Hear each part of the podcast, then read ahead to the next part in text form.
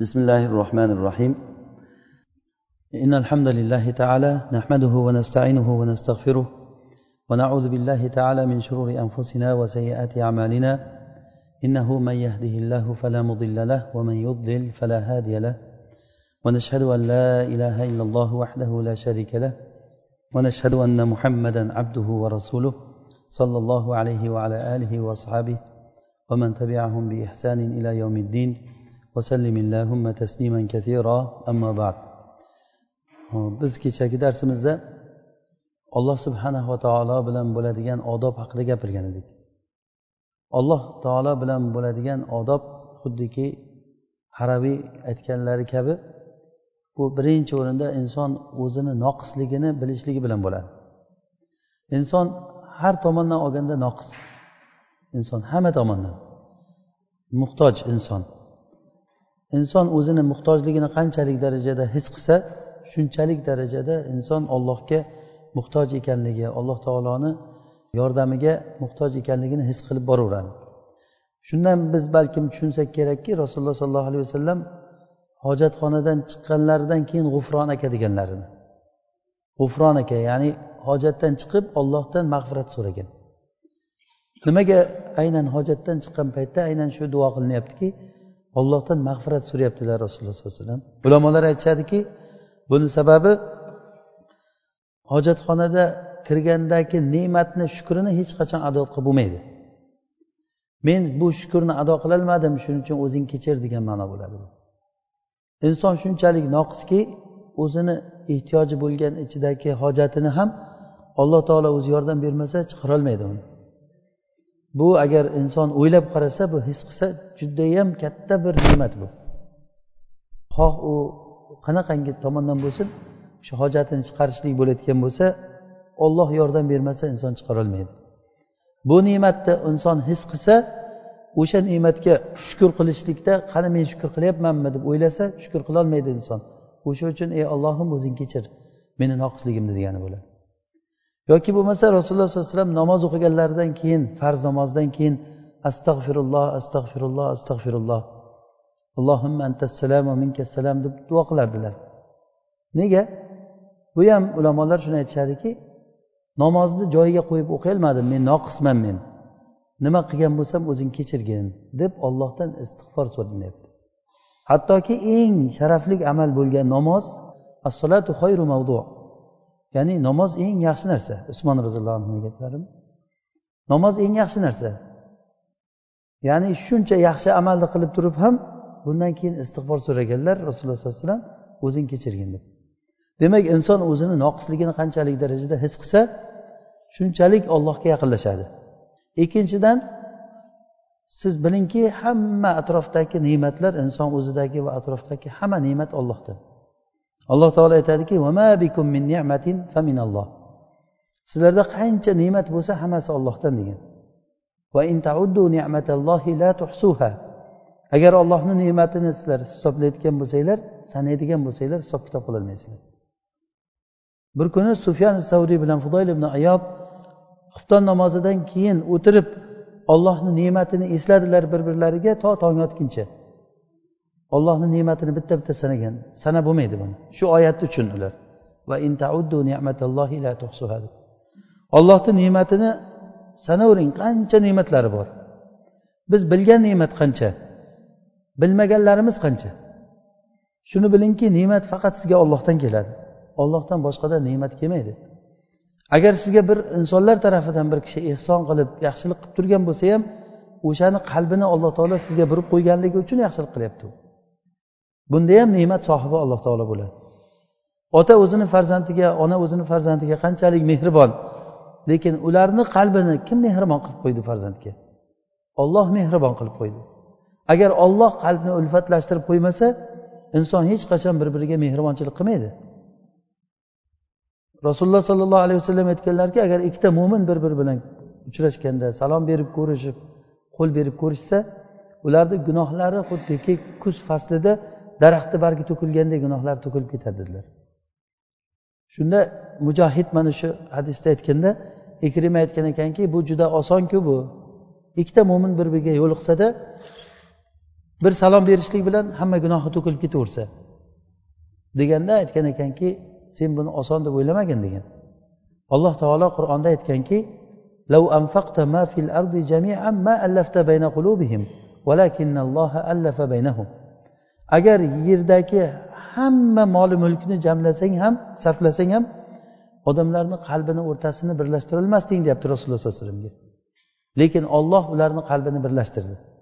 Alloh taolo qalblarini birlashtirganligi uchun mo'minlar bir joyda namoz o'qiydi. Qalblarini birlashtirganligi uchun bir biriga salom beradi. Agar qalbni teskari qilib qo'ysa bir biriga o'ldiradi odamlar. Va buni ko'rib ham turibsizlar masalan voqelikni. Hech bir sababni tayini yo'q o'zi. Lekin mo'minlar bir birini kerak bo'lsa o'ldirib ketyapti. Nega? Qalblar bir biriga teskari bo'lganligi uchun. Bu rasululloh sollallohu alayhi vasallam aytganlarku namozni safda tekis qilib turinglar. Yo tekis qilasizlar yo alloh taolo qalblaringni bir birlariga teskari qilib qo'yadi.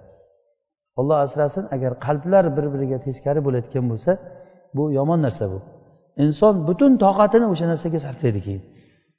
O'zi kuchini yomonlik qilishga sarflaydi o'zi ham gunohkor bo'ladi va boshqani ham halok qiladi. Bu narsa alloh taoloni ne'mati bu. O'shanday nimaki ne'mat bo'lsa bizda bizga ollohdan bo'ladi. Bu ne'matlarni hech qachon inson sanab e, oxiriga yetolmaydi va ibn qayim rahimaulloh aytdilarki olloh bilan bo'ladigan odob birinchi qalbni ollohdan boshqaga qaramasligi bilan bo'ladi. Ya'ni umuman inson qalbida ollohdan boshqaga bo'lgan umidni uzib tashlash kerak. Agar shuni qilolsangiz siz olloh bilan bo'lgan odobni komil darajasiga yetkazgan bo'lasiz.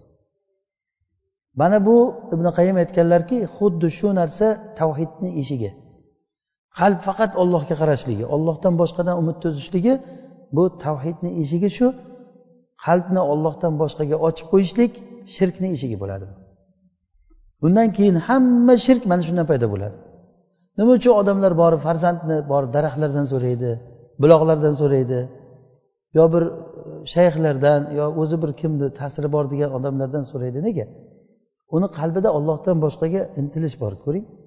Mana shu uchun inson ollohdan boshqaga qarab ketaveradi. Alloh subhanava taolo qur'onda insonni mana shunday tavhidga ustida tarbiyaladi. Inson olloh bilan muomalasini komil qilishlik uchun qalbi faqat va faqat ollohga qaragan bo'lishligi kerak. Ikkinchidan olloh bilan muomalani komil darajaga yetkazaman degan odam amalini noqislikdan saqlash kerak. Ya'ni qo'lingizdan kelgancha amalni olloh uchun to'liq bajaring. Qo'lingizdan qancha kelsa shuncha taqvo qiling. Bu uchun biz aytgandikki ollohni shoirlarini hurmat qilishlik. Ollohni shoirlari qurtubiy rahimaulloh aytganlari kabi olloh bizga vojib qilgan narsalar alloh taolo nimani buyurgan bo'lsa o'sha narsani ehtirom qilishlik ehtirom qilish degani komil bajarishlik bilan bo'ladi. Bugun asosan shu haqida gapiramiz. Ollohni shoirlarini bajarishlik bu ikkita narsa bilan bo'ladi. Birinchisi niyatni xolis qilishlik bilan bo'ladi. Agar amal har qancha go'zal bo'lib ko'rinsa ham agar niyatda to'liq yaxshi bo'lmasa u amal hisobga o'tmaydi. Amal bo'lmaydi. Rasululloh sollallohu alayhi vasallam aytdilarki alloh taolo aytadiki men men bilan sherik qilib qilingan amaldan men uzoqman degan. Ya'ni men bundan boyroqman menga kerak emas bu amal degan. Rasululloh sollallohu alayhi vasallam aytganlarki mana boshqa hadisda qiyomat kuni alloh taolo odamlarni jazolagan paytda mukofotlagan paytda riyo qilgan odamlarga aytar ekanki boringlar kim uchun amal qilgan bo'lsanglar o'shandan sizlar jazolaringni olinglar mukofotlaringni bu eng qiyin amal. Niyatni xolis qilib olishlik eng qiyin amal. Alloh taolo qur'onda aytadiki vama umiru illa liyabudulloha muxlisina lahuddin hunafaa. Odamlar buyurilgan narsasi faqat bitta narsaga buyurilindi. U ham bo'lsa alloh taologa ibodat qilishlik hanif bo'lgan holatlarida. Hanif hanif degani nima degani bu? Hanif degani botildan haqga moyil bo'lib burilgan niyat bilan qasd bilan. Faqatgina botildan haqqa burilgan odam hanif deyilmaydi. Hanif bo'lishlik uchun botilni tashlab yuz o'girib botildan qasd bilan. Ba'zi kishilar bor botildan haqqa qarab burilgan lekin o'zi bilmay burilib qolgan. Ota bobosi shunday bo'lganligi uchun dinni ota bobosidan meros olganligi uchun botildan yuz o'girib shu to'g'rilikdaman deb kelgan o'zi bilmaydi lekin o'sha narsani. Mana bu odamni qilayotgan ibodati haqiqiy hanif kishini ibodati bo'lmaydi. Chunki joyi kelgan paytda bu o'zini samarasini ko'rsatadi. Demak hanif bo'lishlik uchun qasd bilan qalbni avval to'g'irlashlik bilan bo'ladi. Rasululloh sollallohu alayhi vasallam aytganlarki innamal amalu binniyati va innama likulli hamma amallar niyatlar bilan bo'ladi. Har bir odamni o'zini nima niyat qilgan bo'lsa o'shasi bo'ladi. Keyin bunga misol aytdilar. Eng katta amallardan hijratni misol qildilar. Agar kimniki hijrati olloh va rasuli uchun bo'lsa uni hijrati olloh va rasuliga bo'ladi. Kimniki hijrati agar bir yetishadigan dunyosi uchun bo'lsa yoki uylanadigan bir ayol uchun bo'lsa uni hijrati o'shanga bo'ladi. Kim nima niyatda bo'lsa o'sha. Mana bu narsa mana hozir bir safda turib namoz o'qiymiz. Kimnidir namozi tepaga ko'tariladi kimnikini boshidan tepaga chiqmaydi olloh asrasin. Bu nima bilan bu? Niyat bilan bu. Ba'zan shunday bo'lib qoladiki jamoatga kelib namoz o'qigandan ko'ra uyda uxlagan yaxshi bo'lib qoladi. Nega desa uxlasa odam qayta u foyda oladi. Uxlaydi rohatlanadi. Ba'zi kishilar namozga kelib namoz o'qib gunohkor bo'ladi. Buni misoliga biz abu hurayrani hadisini aytgandik. Oxirgi kechagi majlisimizda birinchi bo'lib do'zaxga tashlanadigan odam kim? Qori olim kishi. Nega do'zaxga tashlandi? Niyati buzuq bo'lganligi uchun. Amal qilmaganligi uchun emas bu. Amal qilgan. Amalni ham eng komilini qilgan. Mujohid kishi. Eng zo'r amalni qilgan. Va sahiy boy odam eng zo'r amalni qilgan. Lekin uni amali uni do'zaxga kirgizyapti nega? Qalbini isloh qilmaganligi uchun niyatni to'g'ri qilmaganligi uchun. Inson niyatsiz amal qilmaydi hech qachon. Lekin gap o'sha niyatni kimga qaratishlikda. Hatto ulamolar aytishadiki agar alloh taolo odamlarga niyatsiz amal qilinglar deganda edi bu bajarib bo'linmaydigan ishni yuklagan bo'lardi degan. Ya'ni niyatsiz amal qilib bo'lmaydi nima uchundir qiladi odam baribir. Hech bo'lmasa bir odamlar ko'rsin deb qiladi. Hech bo'lmasa ro'za tutganda yaxshi bo'lyapti sog'likka yaxshi ekan deb tutishi mumkin masalan. Ro'za tutganda. Agar o'ylab qarasangiz niyatsiz amal bo'lmaydi lekin o'sha niyatni ollohga qaratishlik kerak. Ana shu hanif bo'ladi. Hanif degan kishi hamma qasdini butun vujudini birinchi bo'lib turib qalbini keyin amallarini hammasini allohga qaratgan bo'ladi. Qul inna solati va nusuki va mahyaya va mamati lillahi robbil alamin la sharika la va bidalika umirtu. Meni namozim va meni qurbonliklarim va tirikligim o'likligim hammasi robbil alamin olloh uchun deng. Mana bu narsa juda ham muhim narsa. Bu ollohga taslim bo'lishlik alloh taolo uchun butun qarashlik. Alloh taolo buni misolida ibrohim alayhissalomni bizga katta bir misol qilib imom qilib ko'rsatgan. Imomul hunafa deyildi u kishi. Ya'ni hanifni ma'nosini tushundingizlar nimaligini? Hanif degani botildan haqqa qarab niyat qasd bilan haqqa qarab yurgan odam degani. Mana shu haniflarni imomi ibrohim alayhissalom. Ibrohim alayhissalom u kishini millatiga bizga ergashishlikka alloh taolo buyurdi. ثم أوحينا إليك أن اتبع ملة إبراهيم حنيفا وما كان من المشركين. ya'ni keyin rasululloh sallallohu alayhi vasallamga aytyaptiki alloh taolo sizga vahiy qildikki ibrohimni millatiga ergashing u ibrohim hanif holatdagi kishi edi. mushrik odam emas edi u kishi. aslim qola aslamtu li robbil alamin alloh taolo u kishiga taslim bo'l degdi u kishi aytdiki ibrohim alayhissalom men robbil alaminga taslimman dedi. Mana bu narsa juda juda muhim narsa.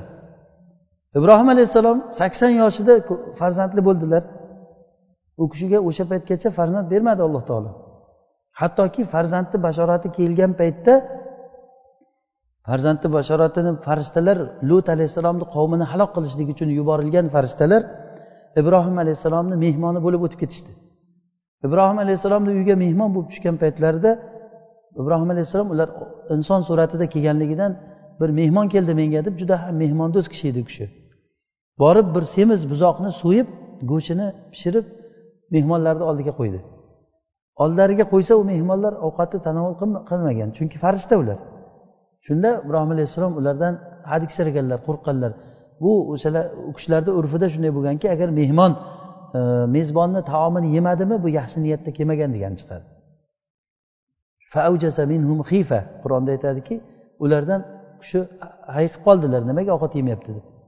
Shunda ular aytishdiki siz qo'rqmang e, biz boshqa maqsadda kelgan odamlarmiz. Biz lut alayhissalomni lutni qavmini uchun yuborildik ularni halok qilmoqchimiz.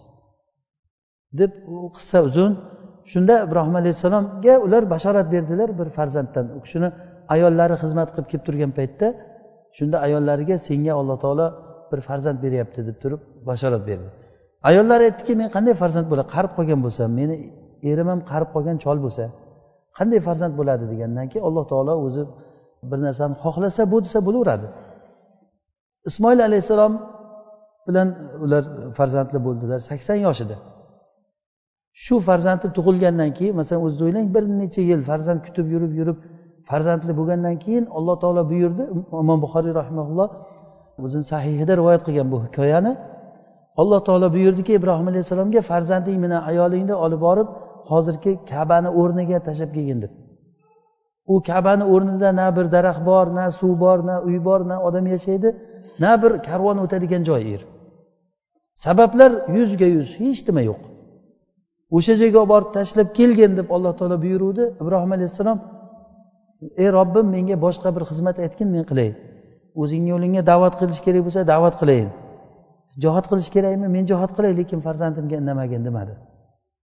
Hech ikkilanmasdan shunday farzandi bilan ikkalasini olib borib turib o'sha yerga qumga shunday qo'yib oldilariga bir meshta suvni qo'yib bitta jirob deydi arab tilida bunday e, idishda xurmo bo'lgan xaltachada o'sha xurmo bilan suvni qo'yganda indamay orqaga qarab ketavergan.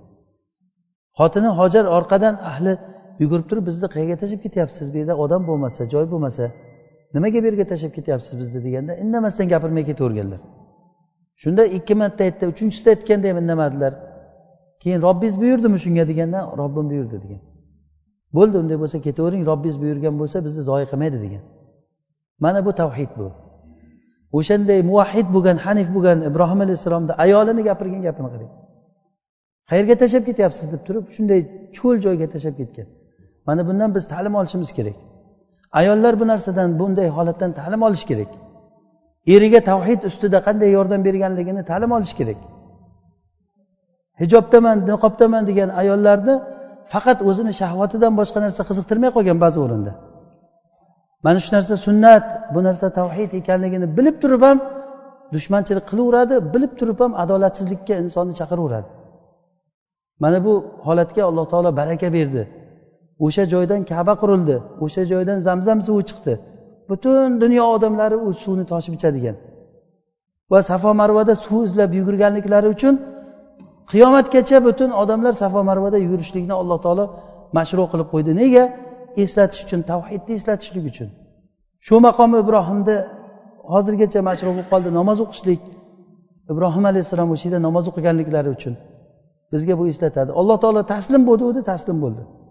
Alloh taolo u kishiga xatna qil o'zingni o'zing deganda sakson yoshida o'zlarini o'zlari xatna qilgan. O'nta narsa fitratdan dedi rasululloh sollallohu alayhi vasallam shundan beshtasi boshda beshtasi odam badanida. Bular o'sha ibrohim alayhissalomga e, alloh taolo bir kalima va idibtala ibrohima robbuhu bi kalimatin fa atammahun.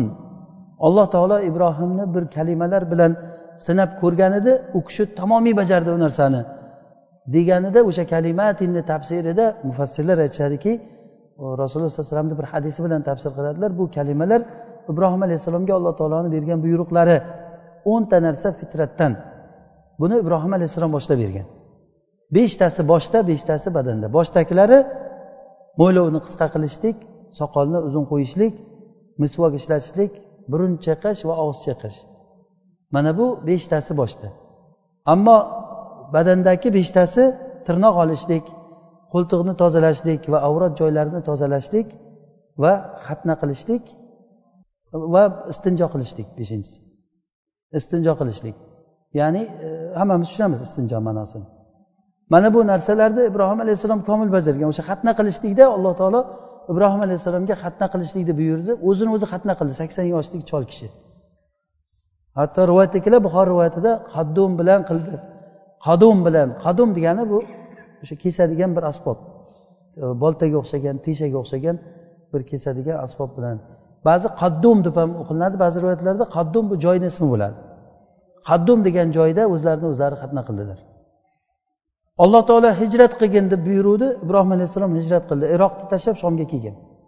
Birinchi muhojirlardan u kishi ya'ni olloh uchun o'zini vatanini tashlab o'zi hijrat qilishlik ishi juda og'ir narsa. Alloh taolo bu hijrat qilishlikni odam o'zini o'zi o'ldirishlikka tenglagan qur'onda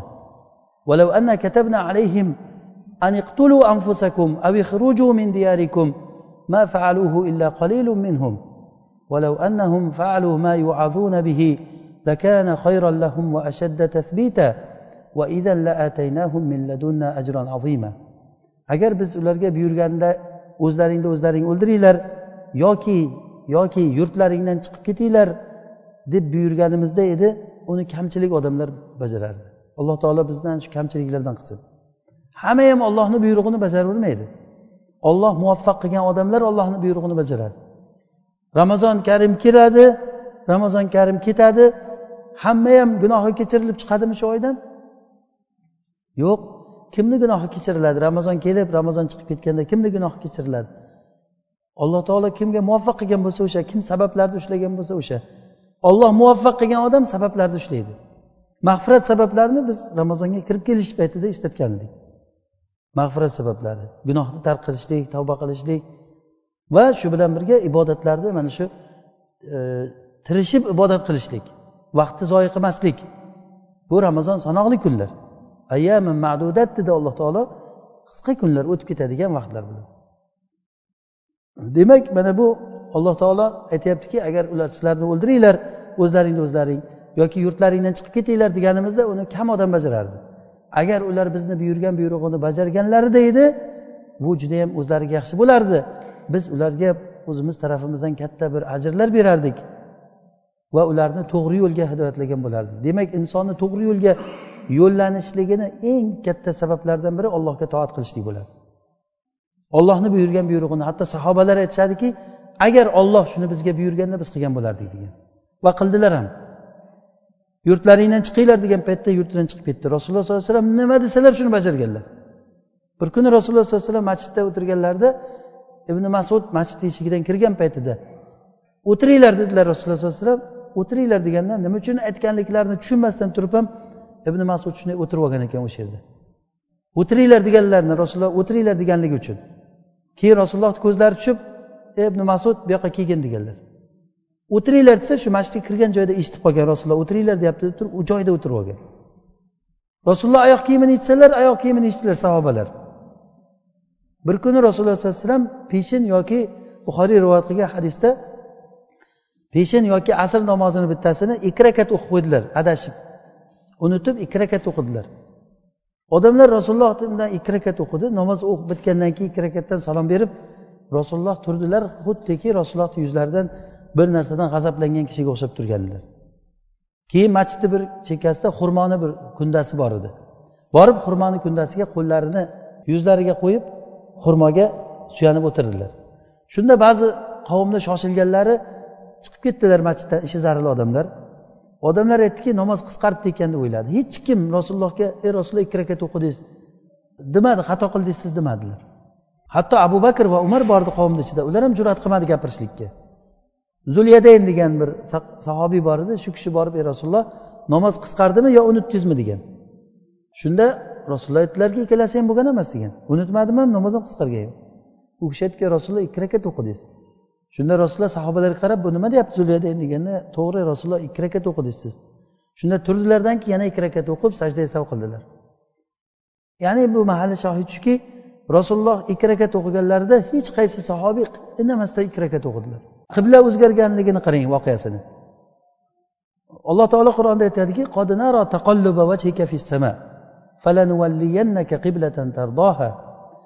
ya'ni rasululloh sollallohu alayhi vasallam e, madinaga kelgan paytlarida qiblasi baytul maqdis edi. O'n olti oy yoki o'n yetti oy o'n olti yoki o'n yetti oy baytul maqdisga qarab namoz o'qidilar. Lekin qiblasi kaba bo'lishligini rasululloh ich ichlaridan xohlardilar. Shunda osmonga qarab qarab qo'yardilar bir vahiy tushib qolsa qiblani o'zgarishligi bilan bir vahiy tushib qolsa deb osmonga qarab qarab qo'yadilar alloh taolo xuddi shuni oyat qilib aytdiki sizni osmonga qarab qarab qo'yishliklaringizni biz ko'rib turamiz. Yuzingizni kabaga qarating dedi. Yuzingizni kabaga qarating deganda rasululloh sollallohu alayhi vasallam shunday kabaga burildilar. Sahobalar kabaga burildi. Qubo masjidida namoz o'qib turgan paytlarida abu saidni rivoyatida keladiki bir kishi kelib turib qubo masjidida namoz o'qib turgan odamlar ruku holatida bo'lgan. Holatni tasavvur qilingda ruku holatida turganda u kishi aytdiki men guvohlik berib aytamanki rasululloh bilan namoz o'qib kelyapman hozir qibla o'zgardi. Baytul maqdis narigi tarafda bo'lsa qibla bu yoq tarafda. Ya'ni bu quboga nisbatan baytul maqdis tepa tarafda shimol tarafda e, nima kaba janub tarafda tamoman teskari. Bir yuz sakson gradus teskarida. Qibla o'zgardi hammalaring qiblaga qaranglar kabaga qaranglar deganda rukuda turgan holatda o'zgardilar. Rukuda turgan holatda sen nima deyapsan hali e o'zgardimi deb e, o'sha namozni hech bo'lmasa tugatib olish kerakmidi? Bunday o'ylaganda. Yo'q o'sha namozni ham tugat hatto rukudan turmadilar. O'sha holatni o'zida shunday burilib turib imom bu tarafga o'tdi ayollar orqadagilar bu tarafga o'tdi rukuda turgan holatida. Mana bu tamoman ollohga bo'ysunishlikni tamomiy ko'rinishini sahobalar ko'rsatib bergan. Ana o'sha odamlarga agar alloh taolo o'zlaringni o'zlaring o'ldiringlar yoki yurtlaringdan chiqib ketinglar deganda qiladigan odamlar shular edi. Tamoman rasululloh sollallohu alayhi vasallam nima desalar shuni bajargan? Hijob oyati tushgan paytda ko'chada ketayotgan ayollar eshitgan zahoti lattalarini shu yirtib boshlariga o'rab ketgan. ansor ayollari o'sha paytda xuddi ko'chada qarg'alar ketganday qop qora qop qora lattaga o'ralib kirib ketgan hammasi bir og'iz oyat vaqullil mu'minati يغضضن من أبصارهن ويحفظن فروجهن ولا يبدين زينتهن إلا ما ظهر منها oyati bilan mana shu mo'mina ayollar avratlarini to'sib yursin imom ahmad rivoyat qilgan hadisda ayol kishi avrat deyilgan al maratu avra ayol kishini o'zi avrat Bo'ldi menga qanoatlantir meni nima hikmati bor buni degan narsa umuman mumkin bo'lmaydi musulmon kishiga. Modomiki islomni davo qilayotgan bo'lsa buni ma'nosini menga tushuntirib ber demaydi mo'min odam. To'g'ri hikmatsiz bo'lmaydi hech narsa. Lekin buyruqni bajarishlik hikmatga to'xtalib qolmaslik kerak. Qachon shuni hikmatini bilsam keyin qilaman degan odam mo'min bo'lmaydi u odam. Ibrohim alayhissalomga farzandi o'zi bilan birga yuradigan bo'lgan paytida bilasizmi o'zi qarilikda topgan farzandni yuqorida aytganimiz kabi. Bola yetti sakkiz yosh haligi otasiga endi yordam berib orqasidan yugurib yuradigan bo'lgandan keyin alloh taolo farzandingni so'y deb buyurdi. Siz o'ylang o'sha paytda ibrohim alayhissalom farzandini so'yish paytida so'yish paytida hech qachon shu oxirigacha so'yolmayman deb o'ylamagan tamom so'yishni niyat qilgan. Farzandiga aytganki o'g'lim men tushimda sizni so'yayapman ekan. Nima deysiz deganda sakkiz yoshlik bola aytdiki ya abati umar satajiduni inshaalloh minas sobirin ey ota nima deb buyurilgan bo'lsangiz shuni qiling men sabr qilaman degan. Sabr so'zini ishlatgan men chiday ollohni buyrug'iga chidayman degan. Ollohni buyrug'iga sabr qilishlik bu katta narsa bu. Umar ibn hattob roziyallohu anhu aytganlar biz mana shu yetgan erishgan narsalarimiz yaxshilikka hammasiga sabr bilan erishdik degan. sabrsiz hech narsaga erishib bo'lmaydi faqat o'zimizni maishatimiz kelganda biz rozi bo'lsak maishatimiz kelmagan paytda bir sabrsizlik qilsak bu toat bo'lmaydi bu farzandini olib bordi qo'l oyog'ini bayladi falamma aslama va tallahu lil jabin va nadaynahu an ya ibrohim قد صدقت الرؤيا إنا كذلك نجزي المحسنين إن هذا لهو البلاء المبين u kishi ibrohim alayhissalom va ismoil alayhissalom ollohni buyrug'iga taslim bo'ldilar. Ota o'zini o'g'lini so'yishga tayyor bo'ldi farzand so'yilishlikka tayyor bo'ldi olloh uchun. Olloh uchun so'yilishlikka tayyor bo'ldi yosh bola hali. Ota o'zini pichoqni shu bo'yniga qattiq kuch bilan tortgan paytda pichoq kesmagan. Mana shu paytda o'sha pichoqni qattiq tortayotgan paytda alloh taolo nido qildiki ayya ibrohim tamom imtihondan o'tdingiz degan. U kishi hech qachon xayoliga kelmaganda alloh taolo bunchalik darajada ismoilni qutqarib qoladi degan narsa bo'ldi. So'yildi o'g'lim deb o'ylagan. O'zi so'yyapti qo'li bilan boshqa narsa emas bu. O'g'ling deb so'yishga berib yubor birovga deganda ham yengilroq bo'lardi. Yo'q o'zing qo'ling bilan so'yasan shuni degan. Mana shu yerdan bizga ma'lum bo'ladiki buni hikmatini siz istab o'tirmang. Alloh taolo bizga bir narsani buyurdimi buni hikmatini istab o'tirmasligimiz kerak. Inshaalloh alloh bu suhbatimizni hali davomi bor.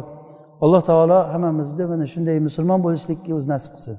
Islom degani bu musulmonchilik degani bu alloh taologa taslim bo'lishlik degani. Xuddiki ibrohim alayhissalomday aslim qola aslamtu li robbil alamin.